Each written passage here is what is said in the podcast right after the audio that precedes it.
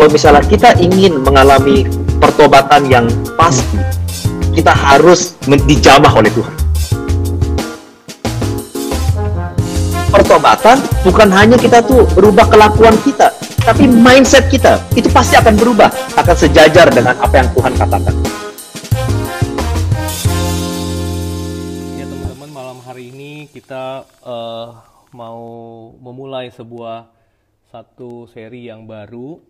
Eh, kita mau coba dengan IG Live ya berkaitan dengan perubahan.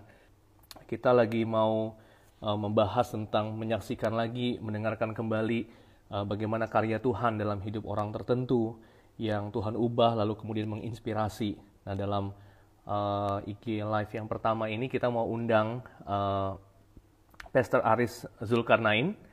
Uh, Pastor Aris sekarang melayani di City Harvest uh, di Singapura dan saya mengenal Pastor Aris lewat satu seminar yang saya ikuti dan uh, saya cukup kaget karena ternyata Pastor Aris ini juga punya hubungan dengan tempat gereja kita GP Embri, Kelapa Gading, GP Embri Kemurnian begitu ya. Saya akan undang Pastor Aris untuk join. Halo, malam. Shalom Roni, gimana kabarnya? Apa kabar? Ya, baik baik. Ya kita yang thank you nih Koris. Koris mau join di Instagram kita eh, ngobrol-ngobrol lagi ya. Ya, it's my pleasure, my Ya. pleasure hari ini. Koris, eh, Koris kan pernah datang ke gereja kita ya kasih seminar ya dan eh, ada teman-teman yang memang sudah kenal Koris begitu ya. Tapi mungkin juga ada juga yang belum kenal nih, mungkin yang akan lihat IG kita saat ini atau mungkin yang akan lihat nanti kalau kita posting di IGTV begitu ya. Nah, mungkin Pastor Aris bisa eh, memperkenalkan diri supaya teman-teman juga bisa eh, mengenal lebih dekat begitu. Ya, jadi eh, apa? eh, saya kan juga masih tuh orang Indonesia ya. Keluarga saya juga ap- apa tuh bergereja, beribadah, berjemaat di GPMBRI Kemurnian. Jadi saya ini sejak kecil nih udah lahir di satu keluarga yang Kristen, ya. Hmm. Jadi papa, mama itu semuanya tuh eh, apa tuh juga sudah bergereja. Jadi sudah sejak kecil saya udah ikut eh, apa tuh Sunday School, sekolah minggu di GPMBRI. saya juga sering ikut acara Natal uh, dan sangat diberkati sekali kalau misalnya melihat drama ya waktu yang ada di yang ditayangkan di uh, GPMPRI di Kemurnian sana. Jadi selama ini tuh saya tuh em, jadi orang Kristen ya karena keluarga saya, papa saya, bapak saya itu adalah orang Kristen. Jadi selama ini saya ikutin apa tuh ke gereja beribadah. Tapi waktu umur 10 saya kan dikirim ke Singapura. Nah, jadi pada umur 14 eh, saya diajak nih dari salah satu orang di sekolah untuk ikut persekutuan.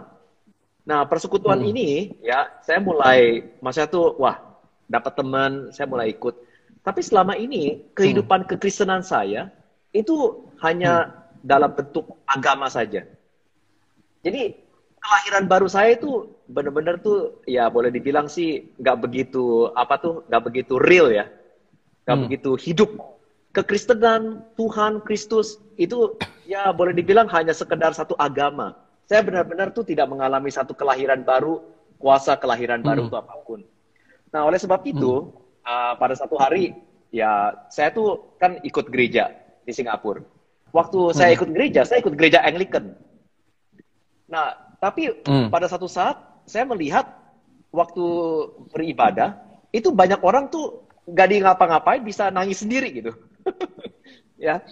Waktu mereka lagi pujian sembah, mereka tuh bisa apa tuh nangis. Mereka tuh bisa benar-benar tuh kayaknya Hmm. tuh tersentuh, terjamah oleh sesuatu. Nah, saya baru saya waktu itu kan udah umur 14, 15. Saya mulai tanya Hmm, kepada hmm. diri sendiri.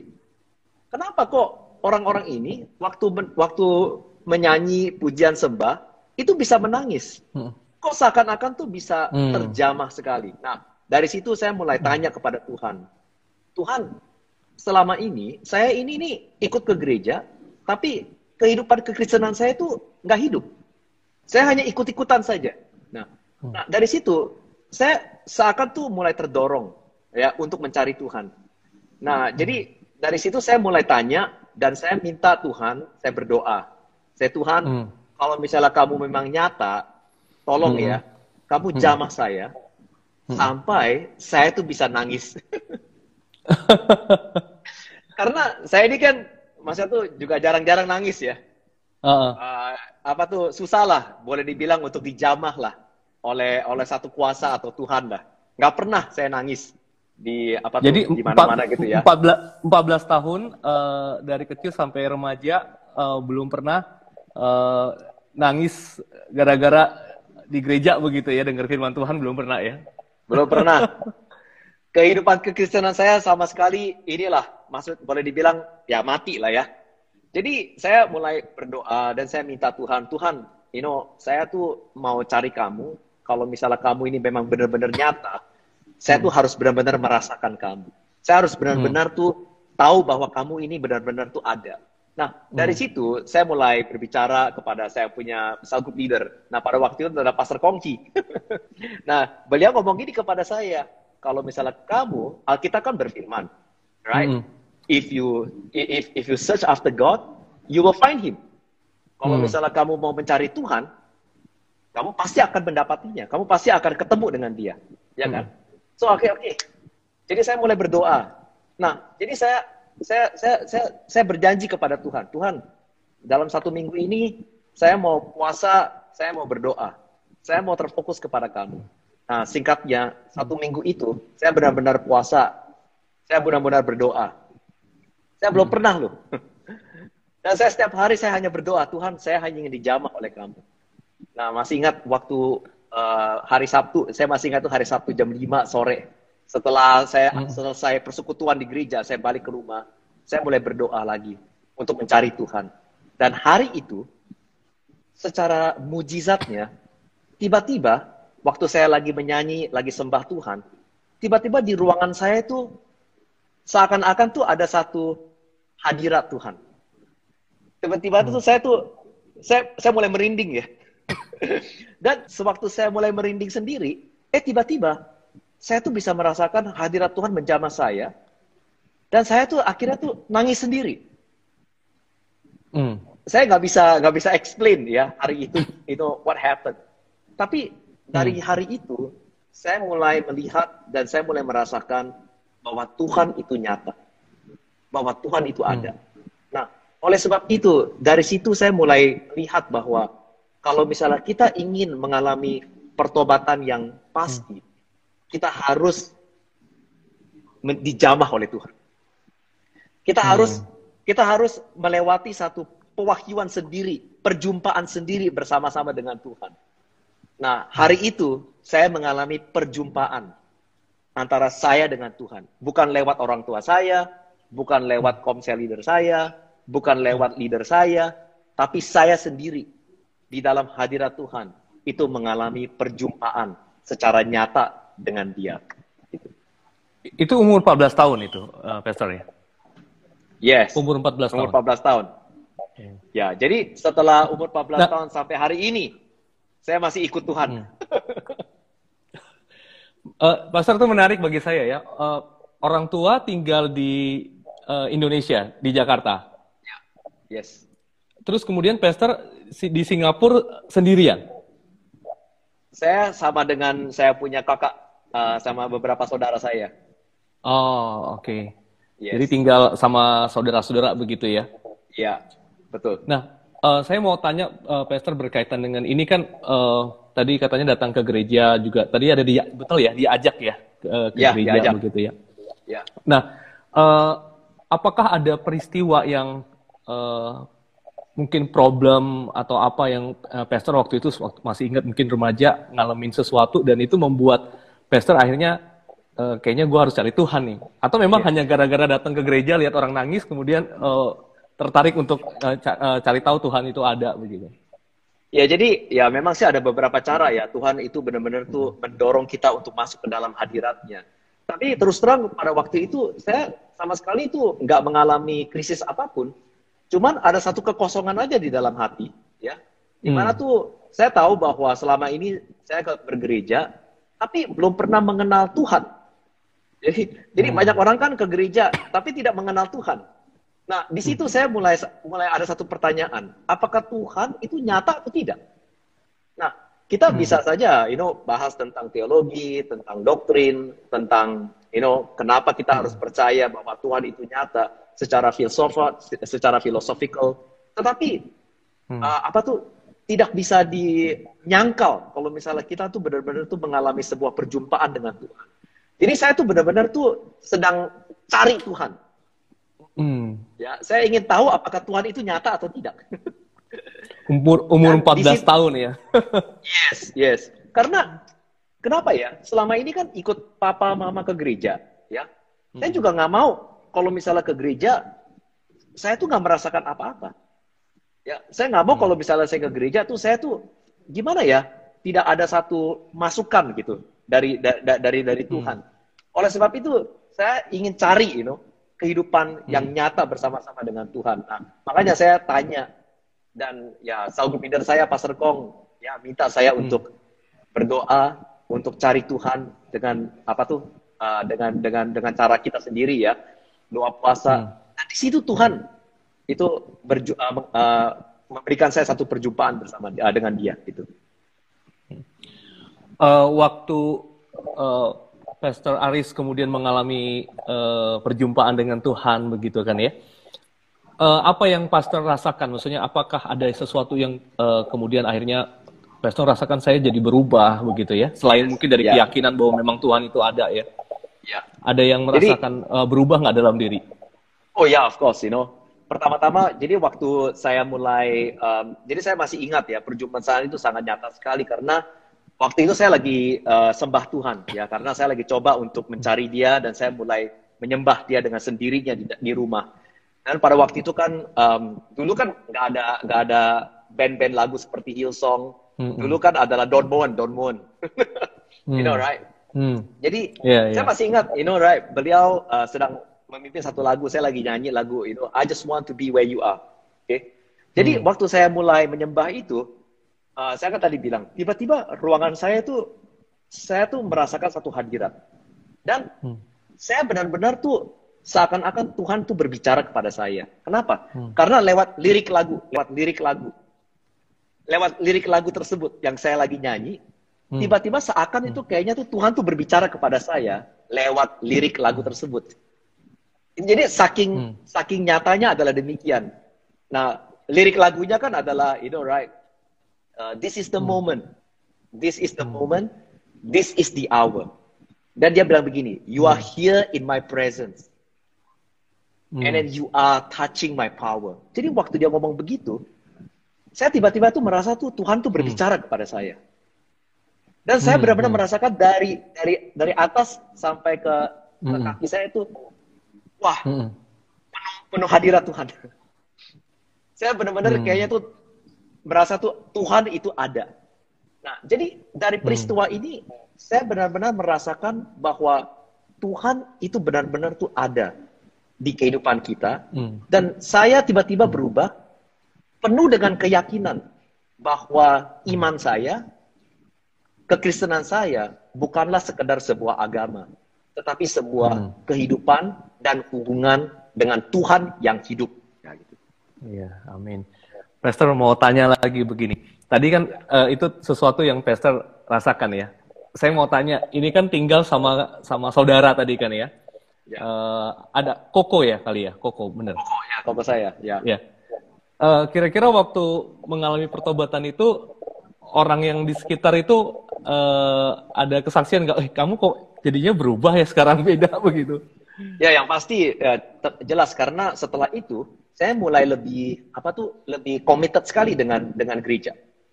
Tadinya kan hmm. kan cuman ya apa tuh kalau misalnya disuruh datang malas-malasan datang. Kalau disuruh datang ke ke ibadah juga ya kadang-kadang saja. Kita juga kayaknya tuh nggak serius lah dengan Tuhan lah ya. Tapi hmm. setelah saya mengalami peristiwa itu perjumpaan dengan Tuhan, saya tuh nggak perlu disuruh tiba-tiba tuh saya lebih giat lagi ke gereja. Nah, jadi hmm. keluarga saya pun, papa mama saya pun juga melihat perubahan saya, uh, di mana tuh saya tuh lebih giat dan saya tuh lebih serius. dan hmm. saking giatnya, saya benar-benar tuh, waduh, terjun right ke ke, ke dunia gereja. Uh, saya benar-benar malahan merasa ada panggilan untuk apa tuh full timer satu hari dan hari ini pun hmm. saya juga full timer. Uh, saya hmm. benar-benar terlibat untuk apa tuh menjangkau saya banyak sekali menjangkau jiwa-jiwa baru di kelas saya, di di, di sekolah saya. Uh, tahun kedua saya dengan salah satu uh, salah satu rekan saya di di sekolah teman saya hmm. kita mulai kita punya uh, sekolah you know I, my, nama sekolah saya kan Anglican High saya hmm. saya dan teman saya memulai persekutuan Anglican High hmm. dan setelah dua tahun waktu tahun dua tahun terakhir saya di sekolah itu di SMP um, hmm. kami tuh kita mulai menjangkau begitu banyak teman-teman kita jadi sampai hmm. akhir tahun kedua saya, kami berhasil menjangkau hmm. paling sedikit 60 sampai 70 orang untuk bergabung ke dalam gereja kita. Wow. 60 sampai ya. 7 70 orang teman-teman remaja waktu itu ya. Teman-teman remaja ya. Jadi, Dan itu hanya saya sekolah saja. Itu hanya untuk sekolah, sekolah saya aja. saja. Ah ya. Uh, ini jadi kalau saya bisa simpulkan orang yang yang mengalami pertobatan uh, berarti di dalam dirinya itu ada kehausan rohani yang Tuhan munculkan sehingga kemudian dia mau ya uh, datang ke gereja, ya mencari Tuhan, lalu kemudian uh, juga apa ya uh, rindu untuk men-sharingkan, membagikan uh, keselamatan, kebenaran yang sudah diterima, betul begitu ya, Pastor ya? Betul, betul sekali, betul sekali. Dan hmm. itu adalah salah satu respon yang sangat alami sekali ya, natural sekali. Karena hampir setiap minggu waktu saya ikut persekutuan sel group gereja, itu hampir setiap minggu kita tuh pergi ke jalanan memberitakan Injil. Hmm jadi ke orang-orang yang kita nggak kenal dengan stranger, kita di tengah-tengah jalan, kita kita kita beri kita samperin mereka, kita beritakan Injil, itu sampai sampai giatnya, sampai berapi-apinya kita pada waktu itu.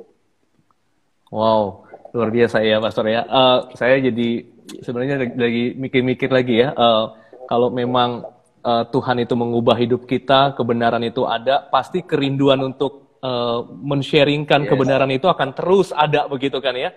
Uh, ini harusnya Amin. Uh, saya nggak tahu teman-teman yang menonton ini harusnya mengevaluasi juga nih ya. Uh, apa namanya? uh, ini uh, masih ada nggak semangat begitu? Karena kadang-kadang kita udah lama jadi orang Kristen nih ya. Ya, uh, ini kalau saya dengar kesaksian uh, Pastor Aris kan kayaknya kejadiannya baru kemarin tuh, masih masih fresh gitu kan ya, masih segar begitu. Kan. Betul. Kan. Betul. Nah, ya ini jadi evaluasi juga buat kita kan ya. Uh, kira-kira uh, kita masih punya semangat nggak ya? Kasih mula-mula mungkin ya. Betul. Kasih mula-mula sama Tuhan begitu kan ya. Iya. Nah, uh, Pastor Aris, ini teman-teman juga nanti boleh tanya nih ya, kali mengajukan pertanyaan. Kira-kira ini kan kita ngomong soal masalah perubahan uh, hidup, tetapi perubahan hidup yang secara radikal di mana Roh Kudus bekerja mengubahkan uh, hati kita dan mengubah lifestyle kita kan ya. Nah, mungkin teman-teman kalau mau tanya boleh juga nanti tanya ke uh, Pastor Aris nanti ya. Nah, ya. saya mau tanya begini, Pastor. Uh, kira-kira apa saja tanda-tanda jika seseorang itu mengalami pertobatan yang sejati dan ya. uh, tidak hanya sebuah penyesalan? Jadi maksudnya kadang kadang-kadang ada orang tuh kan cuma menyesal doang begitu kan ya. Nah, kalau dari uh, yang Pastor saksikan ya. dalam pelayanan dan dalam diri sendiri nih sampai hari ini nih misalnya, Uh, kalau betul orang ini mengalami pertobatan yang sejati, kira-kira uh, tandanya itu apa sih? Yang saya bisa lihat ya. juga atau orang lain bisa lihat juga dari diri saya begitu. Ya, jadi ya kita bisa perbandingan dengan Petrus dengan Judas, ya kan ya. Uh, Petrus hmm. mengalami pertobatan, uh, Judas itu hanya mengalami penyesalan. Karena kan dua-duanya sama-sama berdosa mengkhianati Yesus. Tetapi yang satu, hmm. sewaktu mereka mengalami apa tuh perjumpaan dengan Yesus, uh, Petrus itu mengalami pertobatan. Karena kenapa? Dia bukan hanya sekedar menyesal, tapi dia tuh melihat bahwa dia tuh perlu Tuhan. Dia hmm. perlu Tuhan. Dan sewaktu hmm. Tuhan berkata kepada Petrus, Petrus, kamu masih mau gak ikut aku hmm. untuk menggembalai gerejanya? Petrus hmm. bilang, saya mau. Walaupun hmm. saya sudah jatuh, walaupun saya telah berbuat dosa, tapi saya mau. Saya mau tetap ikut Yesus. Hmm. Nah, itu adalah pertobatan. Karena pertobatan berarti saya diubah dan saya saya melihat kekurangan saya, tetapi hmm. saya nggak menyesal sampai saya minder, saya menyalahi hmm. diri sendiri, saya hmm. tidak bisa ikut Yesus lagi. Saya merasa malu saya merasa bahwa kehidupan saya ini ini sudah dikasih kans yang kedua dan oleh hmm. sebab itu saya ingin berikan segalanya kepada Tuhan. Nah, lain daripada Yudas. Yudas ya juga sama, ya. Kalau misalnya dia minta maaf kepada Tuhan Yesus pun Tuhan pasti juga akan mengampuni dia. Tetapi nyatanya Mm-mm. dia sama sekali tidak bisa Mm. terima right kesalahan dia dan juga dia tidak bisa menerima pengampunan Yesus dan akhirnya dia tuh salahi diri sendiri dan dia akhirnya bebani diri sendiri dengan kesalahannya. Jadi boleh dibilang itu adalah apa tuh perbedaan yang sangat nyata sekali antara Petrus dan Yudas. Hmm. Yang satu ya merasa salah, menyesal, tapi mau bangkit kembali lagi. Ya. Hmm. Pertobatan itu adalah Hmm. perubahan pikiran dan perubahan kelakuan. Ya, Hmm. dan mau ikut Yesus. Penyesalan ya barangkali karena ketahuan saya menyesal. Tapi belum tentu pikirannya berubah. Iya. Ya. Iya. Belum tentu pikirannya Eh, berubah. Iya. Hmm. Ya kan? Yang menarik sekali ya, Ya. eh, ya. Heeh. Betul sih. Eh, ada orang yang Ya. mungkin eh, apa namanya ny- eh, eh, maling maling mangga begitu kan ya. Dia menyesal kenapa kok nggak lebih pintar begitu ya. Jadi dia Iya. tuh dia tuh menyesal, merasa bersalah karena ketahuan. Karena ya ketahuan dia tuh berbuat salah, ya. Dan Hmm. akhirnya eh, tetapi pikiran dia nggak berubah. Pikiran dia masih tetap sama. Nah, itu sebabnya pertobatan dalam bahasa Inggris kan repentance. Artinya know, ra- Hmm. metanoeo. Ya, eh, Greek Iya. word-nya kan metanoeo. Berarti ada perubahan Metanoeo. pikiran dan ada perubahan kelakuan. Nah, jadi ini yang Hmm. sangat penting yang kita harus lihat. Pertobatan itu berarti bukan hanya kita tuh berubah kelakuan kita, tapi mindset kita, pikiran kita terhadap Tuhan, Hmm. pikiran kita terhadap gereja, pikiran kita terhadap ya apa yang firman Tuhan katakan, itu pasti akan berubah, akan di akan sejajar dengan apa yang Tuhan katakan. Eh, sorry, saya jadi pengen tanya begini. Bisa nggak orang eh, apa namanya belajar firman Tuhan banyak nih, eh, tapi sebenarnya mindsetnya nggak berubah? Oh, of course. Banyak. ya. Ya, you know, Pastor Kong selalu kan katakan kepada saya yang sa- sa- sampai hari ini saya masih ingat ya. Ya, dalam bahasa Inggrisnya, you know, the greatest, the longest distance ya. Jadi jarak yang paling jauh, yang paling lama untuk ditempuh adalah jarak antara otak iman kita di sini sampai Hmm. ke hati. Eh, eh, padahal jaraknya cuma berapa eh, senti ya, tapi itu paling jauh ya. Ya, ya. Jadi gini, jadi kita Oke. setiap hari nih, setiap minggu kita dengar firman nih. Kita setiap dengar firman. Kita, ya, amin, amin, amin. Tapi semuanya tuh sampai di sini. Itu semua Hmm. terkumpul, tersimpan di sini. Jadi cuman hanya ya pengetahuannya lebih baik, lebih banyak. Kita lebih tahu tentang Alkitab, kita lebih tahu Hmm. tentang Tuhan. Tapi firman Tuhan ini gak pernah masuk ke dalam hati. Hmm. Karena hanya di hati iman timbul dan perubahan akan menjadi nyata. Jadi saya rasa sih kalau misalnya kita hanya sekedar tahu pengetahuan ya dan pengetahuan ini tidak uh, menjadi iman, menjadi transformasi, menjadi Hmm. pewahyuan, right? Hmm. Ini ya, saya melihat banyak orang Kristen ya begitulah. Hmm. Jadi eh, kehidupan seorang murid yang sejati itu adalah eh, seorang yang yang belajar firman tetapi tidak tinggal di kepala tapi menurunkannya ke dalam hati begitu ya. Itu Ya, seorang murid jadi- yang sejati ya. Betul, ya, amin seperti ta- seperti Yesus katakan di Lukas, ya kan? Berarti seseorang yang mendengar firman Tuhan dan dia melakukannya, ya. Dan melakukannya itu bukan hanya sekedar waktu lagi lagi lagi lagi enak-enaknya, lagi semuanya lagi berjalan lancar, tapi justru di masa duka, di masa susah, kita tetap, you know, setia dan melakukan apa yang Tuhan katakan untuk kehidupan kita. Hmm, oke.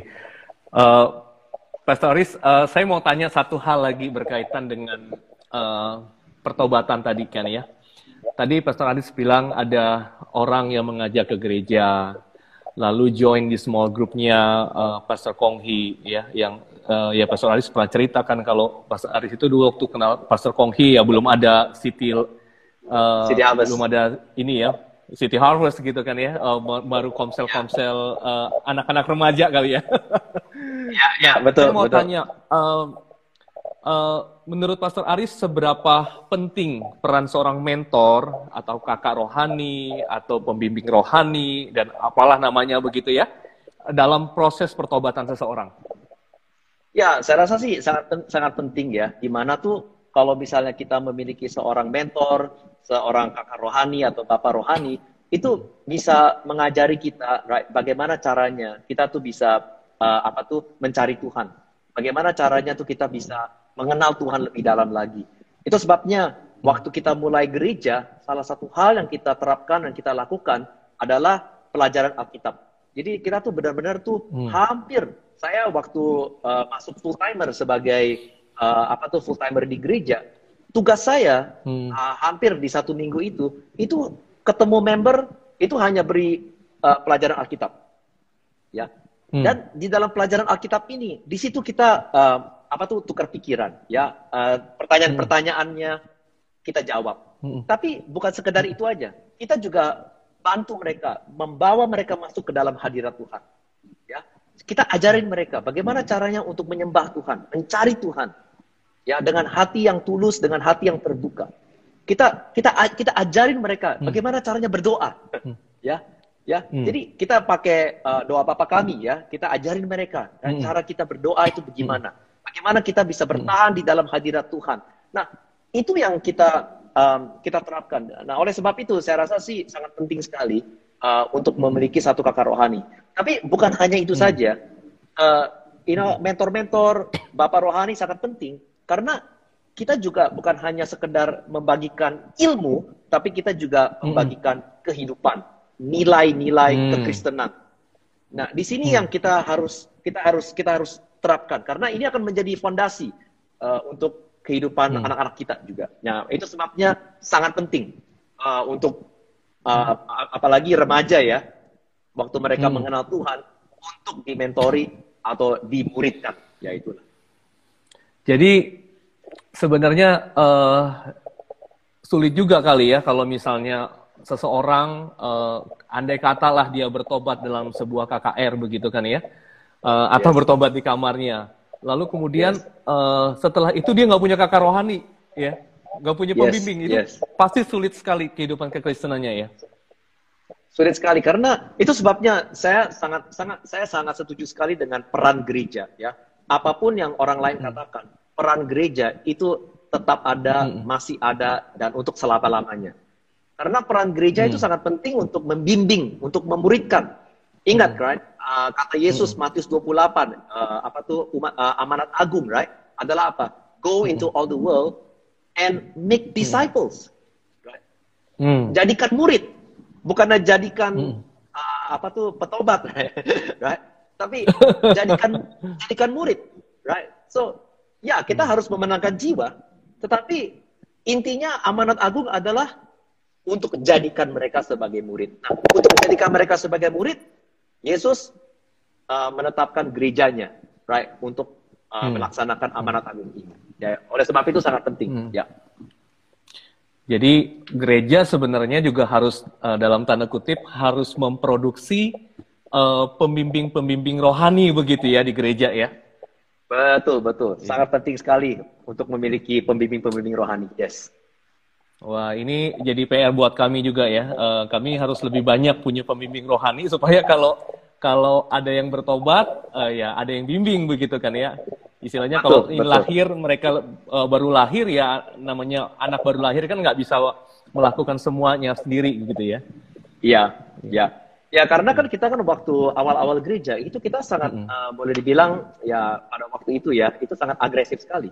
Jadi begitu orang mm. terima Tuhan itu dalam kurun waktu 48 jam kita udah kunjungin ya mm. kita udah kita udah samperin kita udah hubungin mereka ya tapi sekarang ini kita juga nggak tahu kan anak-anak muda kan udah beda daripada dulu yeah. ya uh, tapi dulu 24 uh, 20 dalam 48 jam kita WhatsApp ya, ya, ya, ya. dan minggu itu kita coba untuk ketemuin mereka untuk langsung melakukan pelajaran Alkitab. Hmm. Ya, jadi ya kita pada waktu itu ya lumayan agresif sih. Dan itu anak remaja yang bimbing remaja begitu ya?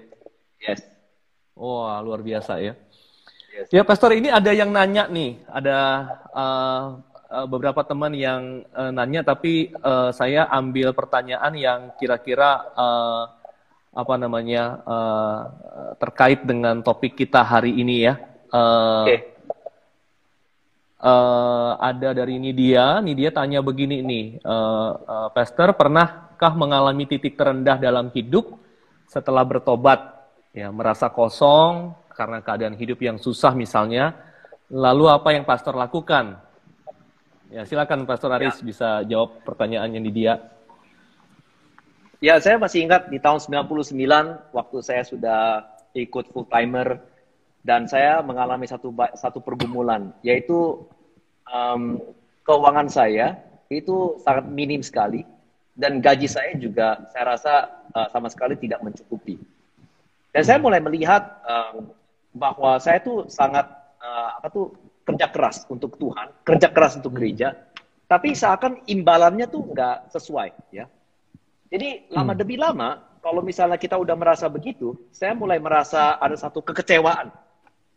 Jadi saya merasa kecewa. Hmm. Jadi saya masih ingat karena ada perasaan seperti itu, saya hampir um, mulai ya kayaknya tuh ya saya udah nggak mau lagi untuk ikut full time. Saya mendingan pulang dan kembali ke Indonesia gitu. Hmm. Jadi saya masih ingat um, hari itu juga. Nah, tetapi waktu saya sedang uh, bergumul, waktu saya sedang merasakan hal tersebut, saya mulai berdoa dan saya sekali lagi teringat dengan cara Tuhan uh, apa tuh membawa saya ke dalam perjumpaan Dia. Nah, hmm. itu sebabnya sangat penting kita tuh mengalami satu perjumpaan dengan Tuhan secara nyata.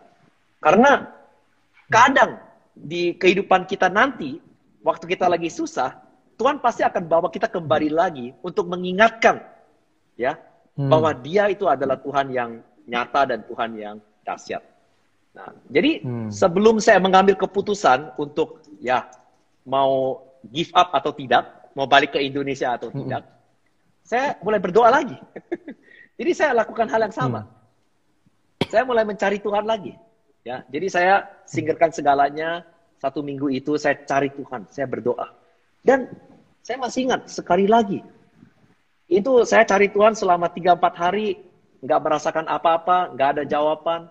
Tetapi hmm. di akhir minggu itu, hari Sabtu, saya juga masih ingat sekali lagi.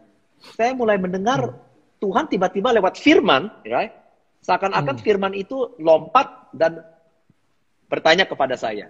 Yaitu, hmm. you know, a day in your court is better than a thousand elsewhere. Daud wow. David says, I yeah, I rather be in the as a doorkeeper in the house of God than to be any, anywhere hmm. else. Jadi tiba-tiba hmm. Tuhan tuh berfir, ber, berfirman kepada saya. Dia bilang, you know, hmm. Aris, kalau misalnya seumur hidup kamu, ya, bagian kamu dari saya adalah sebagai hansip, hansip gereja, doorkeeper, hmm. hansip gereja. Doorkeeper. Apa ya?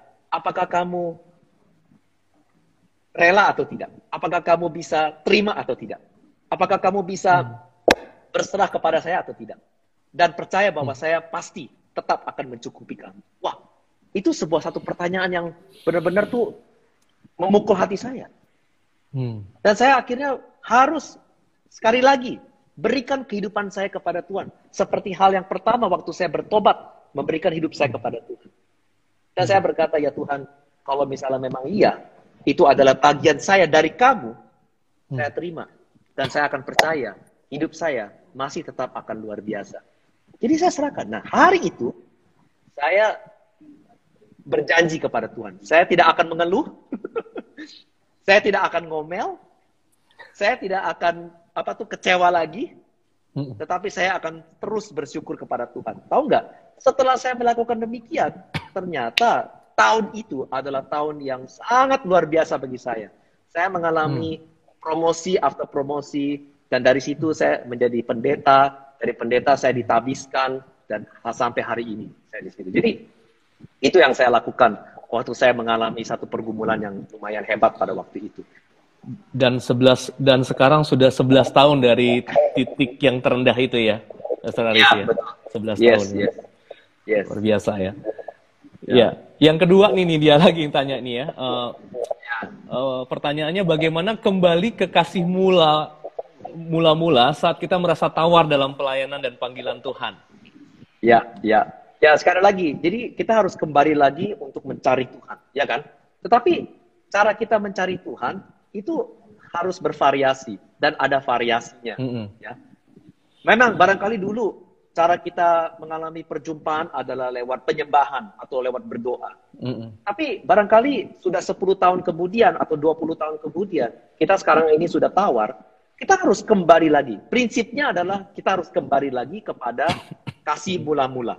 Tetapi caranya kita bisa bervariasi. Barangkali kita harus baca buku. Barangkali kita harus pergi ke sekolah teologi. Barangkali kita bisa hmm. ambil waktu untuk uh, apa tuh untuk untuk menyembah Tuhan, untuk untuk berdoa puasa. Hmm. Lakukan hal yang kamu belum pernah lakukan. Hmm. Yang selama ini barangkali kamu belum pernah puasa satu dua hari. Ya lakukan, hmm. coba supaya kita tuh benar-benar tuh haus dan lapar akan Tuhan. Hmm, hmm, hmm. Ya atau enggak kita bisa pergi ke conference, ambil waktu satu minggu kita pergi ke conference dan kita hanya berdoa dan kita hanya apa tuh merenungkan, right? refleksi apa aja yang Tuhan sedang berbicara kepada saya. Baca buku sebanyak-banyaknya. Hmm. Uh, saya beberapa tahun ini saya mengalami satu pembaharuan juga di dalam kerohanian saya dan hmm. caranya adalah waktu saya mulai membaca buku.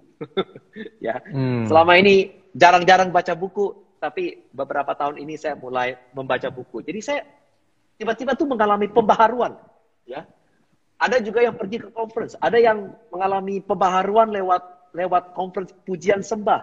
Whatever it is, hmm. prinsipnya kembali ke kasih mula-mula, tapi variasikan, variasikan cara kamu hmm. untuk mencari Tuhan, yaitu. Hmm. Ya, yeah, thank you, Pastor. Jadi ini jawabannya nih dia ya, pergi ke seminari. Uh, mungkin yes. dia mau pergi ke seminari ya, pergi seminari ah, mau yeah. baca buku begitu ya. Ya, ya. betul. Nah, boleh yang mau ya. pinjam buku, saya punya banyak buku juga. Uh, nih dia kalau mau pinjam buku boleh datang ke rumah. ya, ya, that's saya true. Masih, saya masih ingat waktu uh, Pastor Aris uh, bawain seminar beberapa waktu yang lalu. Uh, yes. Saya masih ingat kalau nggak salah Pastor Aris sedang bawa buku juga tentang uh, apa ordinary yes. itu warna hijau betul ya? yes, yes, yes, yes, yeah, yes. Okay. The lip I mean the liturgy of the ordinary. Ya, yeah, the liturgy of ordinary begitu. Ya, yeah. uh, nah, exactly. ada satu pertanyaan lagi ya, uh, mungkin ini pertanyaan terakhir ya karena waktu sebenarnya kita cuma 30 menit. Uh, apakah ini dari Nelly, apakah perubahan uh, hidup itu menunggu atau berjuang? Iya. Yeah. Apa bedanya pasrah uh, sama berserah begitu? see, uh, I mean, uh, oke, okay, I just want to ask ya, uh, apa itu artinya perubahan itu tuh menunggu atau berjuang? Artinya apa tuh? Menunggu atau berjuang? um, mungkin mungkin ya ini Nelly uh, harus uh, uh, lebih oh. jelaskan mungkin ya. Tapi mungkin yang oh, dimaksudkan okay. begini kali ya. Uh, mungkin itu okay, kayak saya, ngerti, uh, saya apakah ngerti. perubahan itu? Uh, uh. Saya ngerti, saya ngerti. Ya gimana okay. kira-kira? Ya. Nah jadi begini ya, um, antara pasrah dan berserah antara menunggu uh, perjumpaan dan berjuang untuk berjumpa dengan Tuhan. Itulah maksudnya kan, ya kan ya. Saya rasa, yeah, yeah. Um, saya rasa Tuhan itu adalah penuh misterius, ya kan. Kita nggak bisa, kita nggak hmm. bisa apa tuh, um, uh, apa tuh menaruh Tuhan di satu cara dan hanya minta hmm. Tuhan untuk berjalan dan bekerja dengan cara kita, dengan ekspektasi kita. Hmm. Yang penting prinsipnya adalah kita harus haus dan lapar untuk mencari Tuhan. Kalau misalnya hmm. kita haus dan lapar untuk mencari Tuhan, cara dia itu pasti akan akan akan akan akan bekerja. Jadi kalau misalnya kita hmm. menunggu, ya kita harus juga tetap berjuang. Karena kalau misalnya kita menunggu dan belum juga hmm. datang, kita harus tetap hmm. berjuang sampai hmm. hadirat Tuhan perjumpaan itu datang. Hmm. Pasrah juga sama, ya. Kita kadang-kadang harus berserah, ya. Tapi sam berserahnya sampai kapan? you know right? Ya yeah. kan? Nah, baru-baru ini saya sedang ngomong ngobrol dengan salah satu anggota saya yang kena COVID, COVID-19, ya kan? Mm. Dia kena COVID, dia kena virus. Dan di Singapura, dia itu harus masuk ke isolasi selama 52 hari. Hmm. Di hari hmm. di hari ke-14 dia tuh udah nggak bisa tahan lagi. Akhirnya dia tuh wah snap. Jadi waktu dia snap ya, dia wah nggak bisa nggak tahan lagi, dia tuh udah mau keluar. Nah hmm. di situ dia mulai snap, dia mulai marah-marah. Nah pada saat itu Tuhan dia dia mulai dia mulai mencari Tuhan. Jadi dia mulai oke okay, saya nggak bisa ngapa-ngapain, nggak bisa keluar, saya mendingan cari Tuhan. Jadi dia setiap hari itu hanya mondar mandir, mencari Tuhan, berdoa, ya. Hmm. Jadi waktu dia sedang menunggu, ya, eh tiba-tiba Tuhan mulai berfirman kepada dia dan memberikan dia sebuah pewakilan bahwa selama ini Tuhan tuh sedang membawa dia di dalam satu pelajaran di mana kehidupan dia dia harus belajar berserah, ya berserah. Nah, jadi selama ini dia tuh semuanya tuh ingin terkendali. Tapi waktu hmm. dia belajar, saya harus lepas. Jadi saya harus pasrah. Hmm. Saya harus hmm. lepas, saya harus pasrah. Apa pun yang terjadi, Tuhan, saya akan terima. Itu pasrah, ya kan ya? Dan setelah itu, dia mulai berserah kepada Tuhan. Tuhan, ya, kapan saya bisa keluar? Ya, terserah kamu. Waktunya hmm terserah kamu. ya, hmm. kapan hmm. saya juga terserah kepada. Pada waktu dia di dalam rohaninya atau jasmaninya itu mulai hmm. tenang, mulai tenang dan berserah dan pasrah, tidak lagi ngomel, tidak lagi menggerutu, tidak lagi hmm. marah. Eh, hari keduanya dia langsung bisa keluar. Hmm. Dia langsung bisa keluar. Jadi imunitas secara, tubuhnya tambah baik ya. Iya semuanya. Ya, hari kedua bisa keluar. Jadi saya rasa sih antara pasrah dan berserah, antara menunggu dan berjuang, dua-duanya penting. Ya, kita harus secara bersamaan melakukannya. Hmm. Ujung-ujungnya adalah kita harus dijamah oleh Roh Kudus, dijamah oleh Tuhan. Ya itulah. Hmm.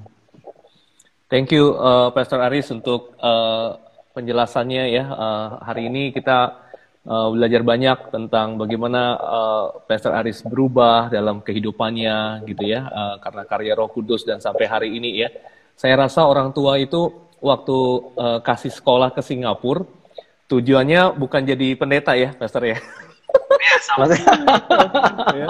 Jadi rencananya ya. pergi ke Singapura Uh, saya pikir-pikir ya ini mungkin orang tua uh, nanti mungkin uh, ada teman-teman dari GPM Beri Kemurnian yang uh, nonton juga begitu. Ada saudara-saudaranya Pastor Aris gitu ya. Pergi uh, kirim anak ke Singapura itu untuk sekolah supaya mungkin balik nanti bisa terusin usaha keluarga begitu kan ya. Itu pasti ya justru, of course of course. Ya tapi Tuhan itu luar biasa uh, mengubah Pastor Aris uh, bukan kemudian balik ke Indonesia lagi, tapi sekarang uh, melayani Tuhan. Eh, balik juga ke Indonesia, berkati banyak gereja di Indonesia begitu ya. ya, itu ya, luar biasa amin. ya. ya amin, uh, Tuhan punya rencana, Tuhan punya rencana lebih hebat daripada rencana orang tua ya. amin. ya, cuma sekarang ya kita harus berdoa untuk uh, usaha usaha keluarga saya karena saat ini kan nggak uh, ada anak-anak yeah. papa saya yang ada di tempat. Jadi kita uh, usaha ini untuk coba untuk bantu mereka juga lah. Iya, tetap ambil bagian dalam keluarga uh, untuk membantu ya Pastor Aris ya. Betul, ya, betul, betul. Uh, thank you Pastor Aris buat uh, ngobrol-ngobrolnya malam hari ini. Nah, Pastor Aris, uh, kira-kira ada nggak closing statement yang Pastor Aris mau uh, berikan juga kepada teman-teman yang uh, menonton, melihat uh, IG Live ini ya? Uh, ada nggak yang mau disampaikan uh, kepada kami semua begitu? ya. tentang perubahan jadi hidup saya, tentunya. Jadi saya ingin uh, jadi saya ingin juga encourage semua semua yang ada di sini yang sedang mendengar IG live kita hari ini ya. Ya kan kita kan semua sedang mengalami pandemik ini dan kita juga sedang mengalami kesusahan ekonomi dan juga masih tetap di rumah saja. Jadi uh, ketahuilah sesuatu bahwa Tuhan itu tidak pernah mengizinkan sesuatu tanpa ada tujuannya. Jadi jangan sampai kita tuh melewati krisis ini dan kita tuh terperangkap di dalam uh, pergumulan, keluhan atau merasa kayaknya tuh marah atau kecewa. Kenapa Tuhan kok tidak apa tuh membantu kita atau membantu saya? Ketahuilah sesuatu, kalau misalnya dia, kalau kita adalah anak Tuhan, dia pasti akan pelihara kita. Nah, oleh sebab itu, Amin. di balik semuanya ini, itu ada rencananya Tuhan. Gereja juga sama. Hmm. Jadi saya benar-benar merasa bahwa Tuhan ini sedang memakai COVID-19 ini untuk mempersiapkan gerejanya untuk masuk ke era digital. Karena hmm. masa depan masa depan gereja itu digital. Hmm. Ya, dan ini ini sangka ini alangkah baiknya di mana tuh semuanya terpaksa untuk masuk ke digital. Nggak apa-apa. Kalau misalnya hmm. belum sempurna juga nggak apa-apa. Yang penting satu hmm. kaki udah masuk dulu.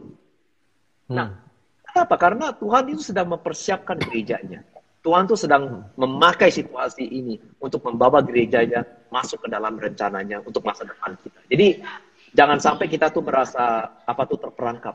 Ayo kita sama-sama berdoa dan kita dibimbing oleh Roh Kudus dan kita lakukan apa yang kita harus lakukan dan kita tetap bersyukur. Saya rasa ke depannya kamu pasti akan melihat rencana Tuhan yang ada di sana. Amin. Dan kamu pasti akan bersyukur bahwa Tuhan telah membimbing kita hari ini. Ya itulah. Amin. Iya. Mas Oris, thank you sekali lagi buat uh, ngobrol-ngobrolnya. Uh, saya thank rasa uh, teman-teman diberkati, saya sendiri diberkati. Ada banyak PR tadi yang juga dikasih begitu ya, menyiapkan pembimbing yes. rohani gitu kan ya. Yes. Uh, supaya yes. uh, ada anak-anak yang mungkin juga anak-anak remaja, anak-anak pemuda yang yang belum kenal Tuhan kita bisa bawa ke gereja atau uh, apa namanya bimbing mereka supaya mereka juga bisa kenal Tuhan ya uh, dan yes. perubahan itu adalah perubahan yang lebih baik dari apa pun dari rencana rencana manusia bukan?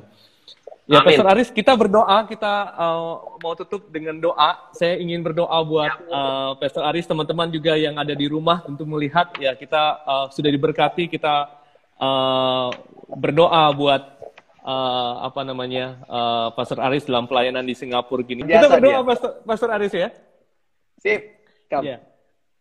Tuhan kami bersyukur malam hari ini kami mendengarkan lagi satu karya Tuhan yang luar biasa terjadi dalam kehidupan Pastor Aris yang mengubah sejarah hidupnya ketika Tuhan menjamah hatinya.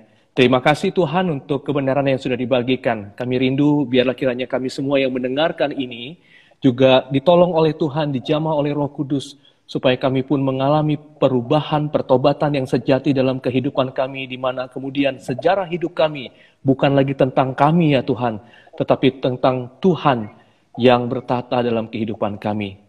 Kami tahu ketika Tuhan merubah kehidupan seseorang, kehidupannya tidak hanya ada di bumi ini saja tetapi kehidupan itu akan terus berlangsung sampai pada kekekalan. Satu hari kami akan bersama-sama dengan Tuhan yang ada di surga. Terima kasih Bapak berkati Pastor Aris dalam pelayanan di City Harvest bersama dengan rekan-rekan pelayanan yang lain. Di dalam masa-masa sulit ini kami tahu City Harvest juga sudah menjadi berkat bagi banyak gereja-gereja yang kesulitan di dalam pelayanan digital. Tuhan berkati gereja ini. Terima kasih Bapak ini saatnya juga kami gereja-gereja dapat bermitra, bergandengan tangan satu dengan yang lainnya. Uh, tidak membatas, tidak, tidak terbatas oleh denominasi-denominasi yang ada, tapi kami satu di dalam Tuhan dapat melayani bersama-sama, melayani generasi ini, melayani dunia ini bagi kemuliaan Kristus. Terpuji namamu Bapak, dalam nama Yesus kami berdoa. Amin. Amin. Amin. Thank you Pastor Aris. God bless. Uh, Terima kasih Roni. God bless ya. Ya, God bless. You too. Stay safe. Bye-bye.